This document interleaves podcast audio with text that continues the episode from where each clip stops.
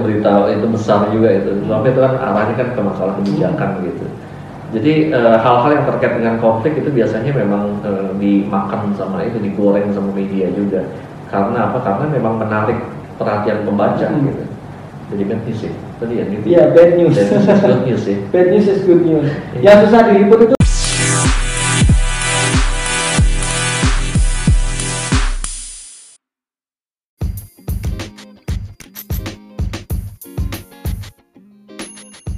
kita akan berbincang uh, secara lebih detail tentang Hmm. news value. Tadi Bu Yuri sudah sempat menyebutkan ya menyebutkan sedikit ya tidak semua peristiwa itu adalah berita. Iya. Ya karena Iya. hanya yang punya nilai berita. Iya. Oke Bung Yuri, news value yang Hmm. pertama itu apa? Yang biasanya menjadi pertimbangan utama redaktur atau redaksi Hmm. dan jurnalis ketika melihat sebuah objek bahwa ini adalah Hmm. berita. Apa Bung? Kalau dalam berbagai literatur nih, Hmm. gitu ya, saya lihat gitu. ya, Paling atas itu adalah importance, penting. Gitu. Iya. Jadi disebut penting apa sih? Kalau peristiwa itu dia punya impact atau dampak terhadap audiens, terhadap masyarakat. Makanya dia di- eh, ber- apa dalam peringkat atas itu biasanya importance paling penting. Importance. Iya. Misalnya seperti apa? Misalnya eh, ada perubahan dalam kepemimpinan, Mhm. terpilihnya presiden baru gitu ya. Mhm. ada kebakaran gitu Hmm. kemudian ada bencana alam itu juga disebut uh, importance karena dia dampaknya besar banget Presiden sakit misalnya. presiden sakit waduh itu kan kalau sampai harus uh, diganti atau apa gitu kebijakannya nanti berubah gitu dampak susulan itu banyak Iya. Yang kedua Yuri, Uh, yang kedua itu prominence prominence. ketokohan Hmm. jadi peristiwanya boleh sederhana sih tapi yang jadi masalah karena tokohnya gitu ya Hmm. tokohnya orang penting nah itu nggak bisa diabaikan gitu jadi peristiwanya cuma misalnya gitu peristiwanya cuma orang kesandung gitu ya tapi kalau yang yang apa kesandungnya adalah seorang artis nah Hmm. itu bisa jadi berita besar gitu kayak atau misalnya apa ya em, ada seorang apa seseorang misalnya terlambat naik eh, pesawat gitu ya ya mungkin kalau orang biasa ya itu aja kan hal yang biasa tapi beda kalau dia Menteri, seorang misalnya. menteri Iya. eh, waktu itu pernah ya ada Iya. menteri kita ketinggalan pesawat Hmm. masuk berita di mana-mana jadi headline gitu. Dan itu menciptakan sentimen negatif terhadap si Iya. menteri ya. menteri kok bisa nggak disiplin gitu gitu Ya kalau prominence ini menjadi ini ya indikator penting juga ya Iya. untuk melihat apakah sebuah objek ini punya Betul. nilai berita atau tidak. Saya jadi ingat sebuah cerita Hmm. tentang terpelesetnya almarhum Presiden B.J. Habibie dan di tangga pesawat pada saat turun dari pesawat kepresidenan. iya iya iya iya. saya pernah baca Nah, kebetulan Eh. pada saat B.J. Habibie turun itu di bawah sudah ada beberapa fotografer. Salah satunya fotografer antara. Kebetulan lagi nah, Presiden B.J. Habibie terpleset hmm. sehingga posisi tubuhnya agak miring. Eh. Nah, di foto, Ya. kemudian foto itu dicetak Ya. dan dipamerkan di Ya. kantor berita antara. Hmm. Pada saat pameran foto, Presiden B.J. Habibie diundang untuk datang melihat dan langsung Dibeli. tertarik dengan fotonya Iya, itu, iya. dibeli 100 juta Iya. bu. Eh. itu anugerah sekali ya. Iya. Tapi mudah-mudahan nggak didoain ya, mudah-mudahan jatuh lagi gitu. Kesian itu kalau tiap presiden jatuh dari pesawat. 100 juta. 100 juta harga 100 fotonya. juta cuy. ya sampai doanya jelek. gitu. Ya kalau sekali kan itu kejadian yang alami, tapi Iya. kalau sudah dua kali, tiga kali itu kan rekayasa ya. Ya, ya memang sekarang ini eranya era penuh rekayasa ya. Iya. Karena memang rekayasa itu diperlukan Iya. juga untuk pencitraan. Iya. Kebetulan saya mengajar di public relation juga. Oh ya.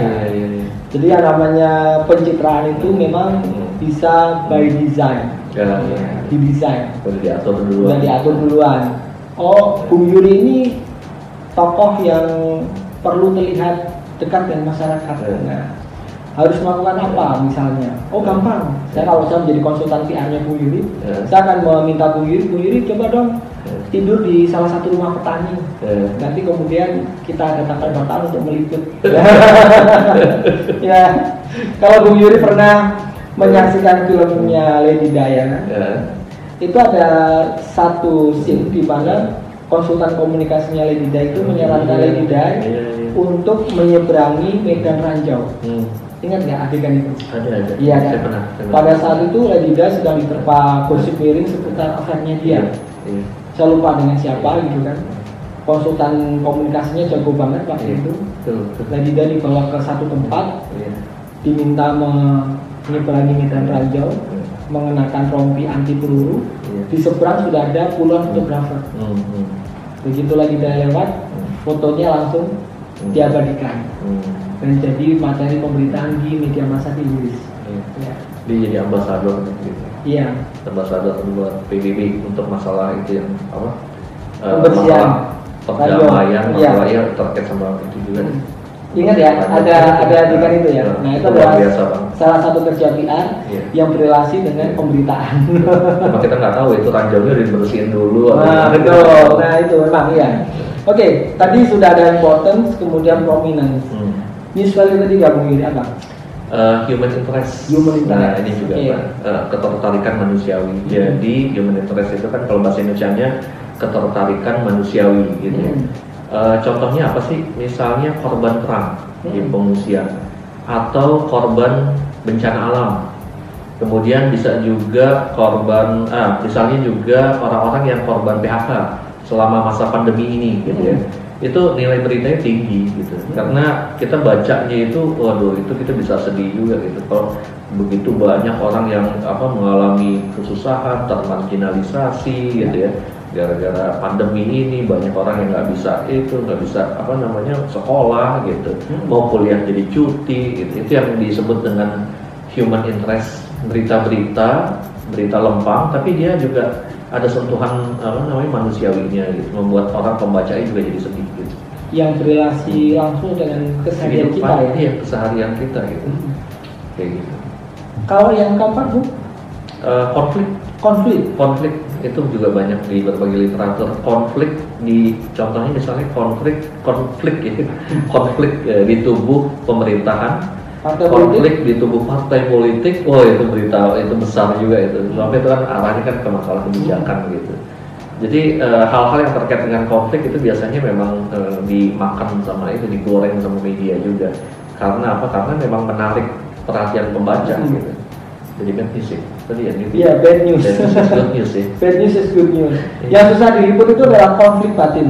konflik batin gimana caranya kita melihat batin nih Ya, batin bagaimana ya kita mengukurnya? iya Ya. Konflik batin. Ya. Ya. Mungkin teman-teman pernah menyaksikan tayangan infotainment yang di situ sebenarnya ada beberapa materi tentang berita-berita seputar konflik batin yang dialami oleh para selebriti maupun para artis ya.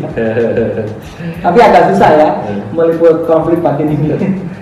tapi yang nonton banyak juga ratingnya Iya. padahal cuma gitu doang dan mungkin aja hasil rekayasa juga kita nggak tahu ya memang memang dibutuhkan Ya. sedikit gimmick gimmick iya iya betul. supaya ada daya tarik. Eh, Sudah empat, yang kelima Bu Yuri eh, proximity Proximity. kedekatan jadi kedekatan nih kalau bahasa Indonesia Hmm. proximity kedekatan itu dalam hal apa sih bisa kedekatan dalam hal geografis Oke. Contohnya ada pesawat jatuh di Mhm. Jogja Mhm. pada hari yang sama, pada jam yang sama. Mhm. Ada juga pesawat yang jatuh di Afrika Selatan. Oke. Mana yang akan lebih menarik perhatian kita? Yang pasti yang deket gitu ya, Mhm. secara geografis di Jogja gitu. Kita nggak acuh, kita nggak peduli misalnya dengan yang jatuh di eh, Afrika Selatan gitu. Itu yang disebut dengan proximity dalam hal geografis. Tapi proximity ini, Bu, Ya. itu juga bisa macam-macam sih. Hmm. Bisa juga kedekatan dalam hal emosional. Oke. Contohnya apa? Dalam hal emosional itu misalnya antara peristiwa yang terjadi, peristiwa besar yang terjadi di Indonesia, Ya. itu biasanya juga muncul di media-media di Belanda. Saya pernah ngalamin, Hmm. Waktu lagi saya lagi liputan di Belanda, saya kaget satu hari saya lihat, "Uh, kok ada berita masalah pergantian dari eh, apa Gus Dur Hmm. eh, berganti apa eh, posisi kepresidenan kepada Bu Megawati. Waktu itu saya lagi ada di sana di Belanda. Itu kaget itu muncul di halaman pertama di surat kabar di Belanda. Ya rupanya apa? Begitu banyak perhatian orang Belanda terhadap Indonesia. Emosional gitu ya terutama Iya. orang-orang tuanya dulu mungkin karena Indonesia yang bekas apa namanya eh, Koloni ya. koloninya Iya. daerah jajahannya gitu itu gitu Kemudian ada juga proximity dalam hal budaya. Oke. Misalnya- Menarik ini ya. Indonesia dengan Malaysia Iya. bukan cuma masalah kedekatan dalam hal geografis ya, tapi budayanya juga hampir sama gitu ya, antara Indonesia dengan Malaysia gitu kan budaya Melayu. Jadi apa yang terjadi di Malaysia itu biasanya juga akan muncul di media-media di Indonesia atau hal yang terjadi hal penting yang terjadi di Indonesia itu juga akan muncul di media-media di Malaysia gitu. Ya memang ini ya sebenarnya makin ke sini makin terkoneksi ya antar Iya, negara ya. Iya. Sehingga ketika ada satu isu Ya. yang terjadi di Malaysia misalnya, Ya, saya ambil contoh deh misalnya isu pelemahan ekonomi di Malaysia gitu. betul. Pasti akan dikorelasikan dengan apakah Indonesia akan mengalami pelemahan ekonomi yang serupa. Iya kan? Iya, iya. Oke, rekan-rekan netizen dan rekan-rekan mahasiswa yang menyaksikan secara langsung tayangan ini, Bung Yuri ini punya pengalaman liputan di Eropa ketika menjadi wartawan di kantor berita Antara. Iya, betul. Kalau saya pengalaman hanya di kantor berita Radio 68H. Tapi itu penting itu. Iya. Ya. sembarangan itu. Baik. Nah, Bung Yuri, ini sedikit menyinggung pengalaman Bung Yuri ketika liputan di Eropa. Iya. Ya. Bung Yuri mewakili kantor berita Antara, kantor berita milik Indonesia. Hmm. Ketika Bung Yuri meliput di Eropa, berita-berita apa yang menurut Bung Yuri sendiri sebagai seorang jurnalis pada saat itu punya news value ketika dibaca oleh warga negara Indonesia seperti Oh saya? iya, iya. Apa? Jadi Misalnya? gini, eh, tapi saya jelasin dulu ya. Hmm. Ketika saya waktu itu dikirim ke Eropa, Hmm. saya dua tahun sebetulnya.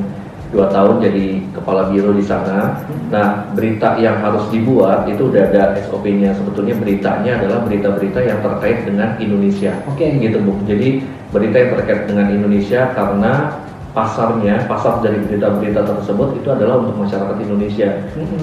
Eh, jadi apa yang harus saya liput? Yang harus saya liput adalah kebijakannya Uni Eropa Oke. yang dia punya dampak terhadap Indonesia. Misalnya Uni Eropa memutuskan melarang ekspor ikan atau ekspor udang ke Eropa gitu ya. Dari itu kan dari Eropa. Indonesia ke Eropa. Oke. Nah itu yang kemudian saya harus bikin beritanya, saya harus wawancara dan sebagainya.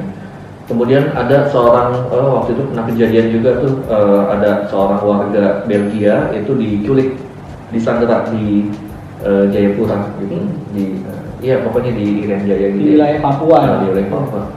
Nah itu juga saya harus cari beritanya. Pokoknya ada orang, ada pejabat Indonesia datang ke salah satu negara Eropa, gitu. Ada menteri Indonesia datang ke Eropa untuk eh, untuk bekerja sama dan sebagainya, gitu.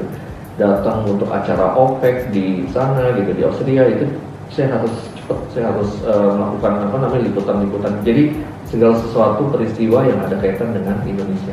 Nah, kalau dari paparannya Bung Yuri tadi, Hmm. sebenarnya kita sudah bisa membayangkan ya Hmm. news value apa yang harus Iya. diutamakan ketika melakukan liputan-liputan selama berada di Eropa ya Bung Yuri ya. Betul. Nah ini tidak akan kita jawab news value-nya apa supaya dipikirkan sendiri oleh para netizen Eh, sehingga rekan-rekan netizen maupun mahasiswa yang menyaksikan tayangan ini bisa punya bahan untuk merenung. Ketika seorang jurnalis dari kantor berita antara ditugaskan di Eropa, eh. dia harus mengutamakan news value yang mana pada saat Betul, melakukan liputan di benua Eropa. Baik, saya pikir obrolan kita sudah Ya, sangat mendalam. sangat mendalam. Meskipun tadi saya sempat mengatakan Ya. nama program ini adalah Nah, itu yang keren ya kita pengen tahu itu. Oke. Banyak pernik-pernik itu gitu ya.